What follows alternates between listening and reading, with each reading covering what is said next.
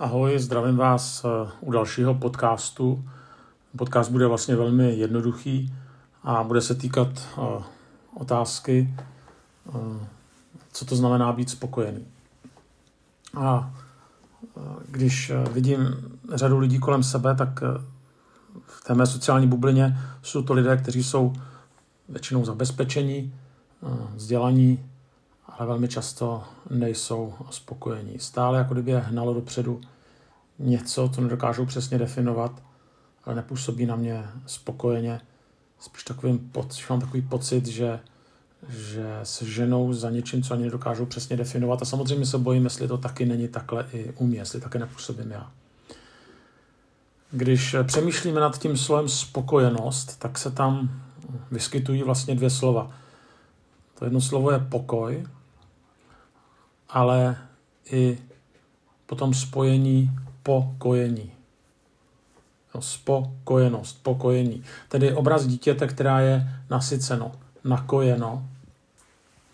A to dítě je nasyceno, protože eh, dostalo, je nasyceno, tedy je spokojeno, protože dostalo nezbytnou potravu od nejbližší osoby na světě. Je to obraz dítěte, které prožívá pokoj, protože je pokojení. A vlastně mu stačí dvojí, a to je základní strava, nebo naplnění základních potřeb a potom blízkost milované osoby. Tak si můžeme položit otázku, potřebuje vlastně člověk něco víc? A to, jenom, a to nejenom v dětství, ale i v dospělosti. A ten problém je, že spokojený člověk je jedním z největších nepřátel konzumu. konzumu, který je vlastně postaven na touze mít neustále víc.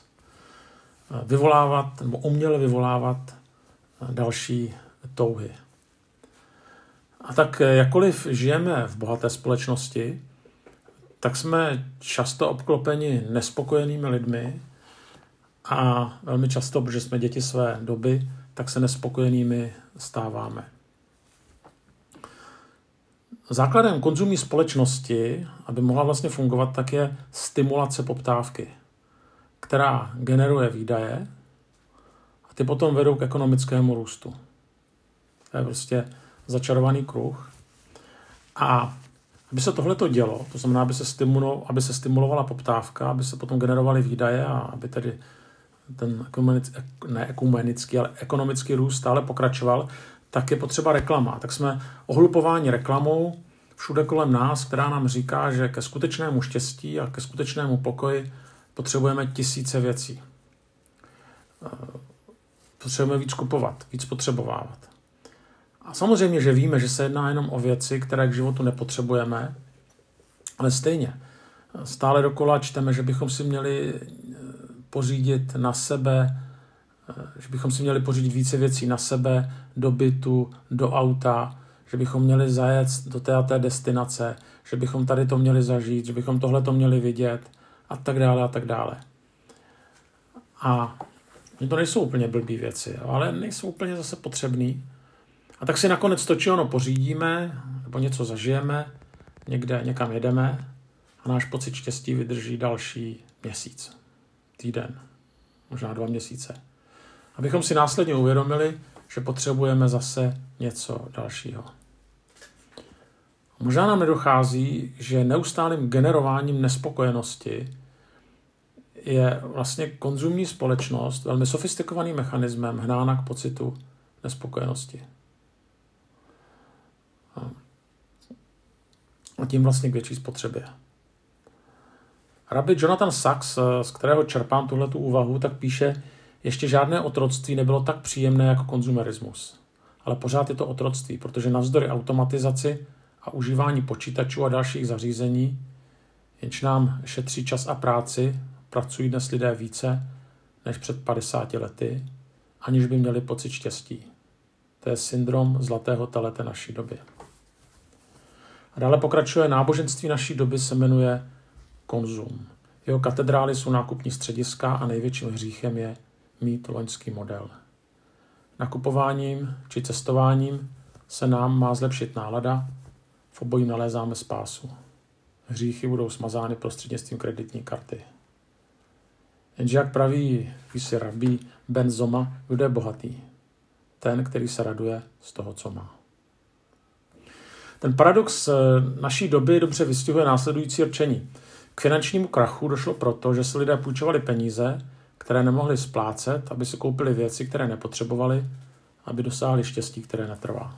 Ještě jednou, k finančnímu krachu došlo proto, že si lidé půjčovali peníze, které nemohli splácet, aby si koupili věci, které nepotřebovali, aby dosáhli štěstí, které netrvá. No, to je vlastně paradox dnešní doby.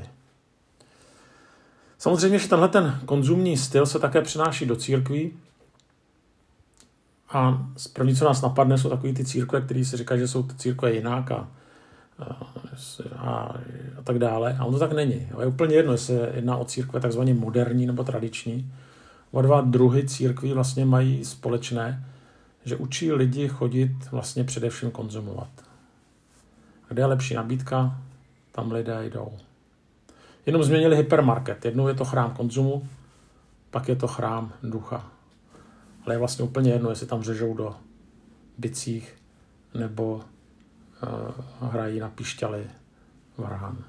Jestli nosí talár nebo jestli kazatel káže v trenírkách. Jo. Výsledek někdy bývá stejný jako u materiálního konzumu, prázdno. Totiž člověk byl stvořen tak, aby konzumoval, ale až poté, co dal. Nejdřív musí vydat nějakou energii a pak konzumuje. A ten konzum je vlastně paradoxní v tom, že vydáváme, spotřebováváme za věci, které nepotřebujeme. Možná, že to skutečné štěstí nalezneme, až když nám dojde následující. Budu citovat. Štěstí, štěstí nespočívá v tom, co kupujeme, kde jsme byli, ale v tom, kým jsme. Skutečné spokojenosti nedosáhneme tím, že budeme hledat a trápit se tím, co nám chybí, ale že budeme děkovat za to, co máme. Nikdy nesmíme dovolit, pokud to jen trochu půjde, abychom byli tak zaměstnáni živobytím, že zapomeneme na život a bytí. Tak když se vrátím k tomu původnímu obraze, obrazu dítěte pokojení, pak konzum nám říká, že to naplnění základních potřeb toho dítěte je to prostě mateřské mlíko, ale tak dospělosti potřebujeme víc, ale stále dokola ten konzum nám říká, že naplnění základních potřeb a milující člověk na blízku prostě k pokoji a štěstí stačit nemohou. Možná, že jednou z velkých výzev naší doby je poznat, že to stačí.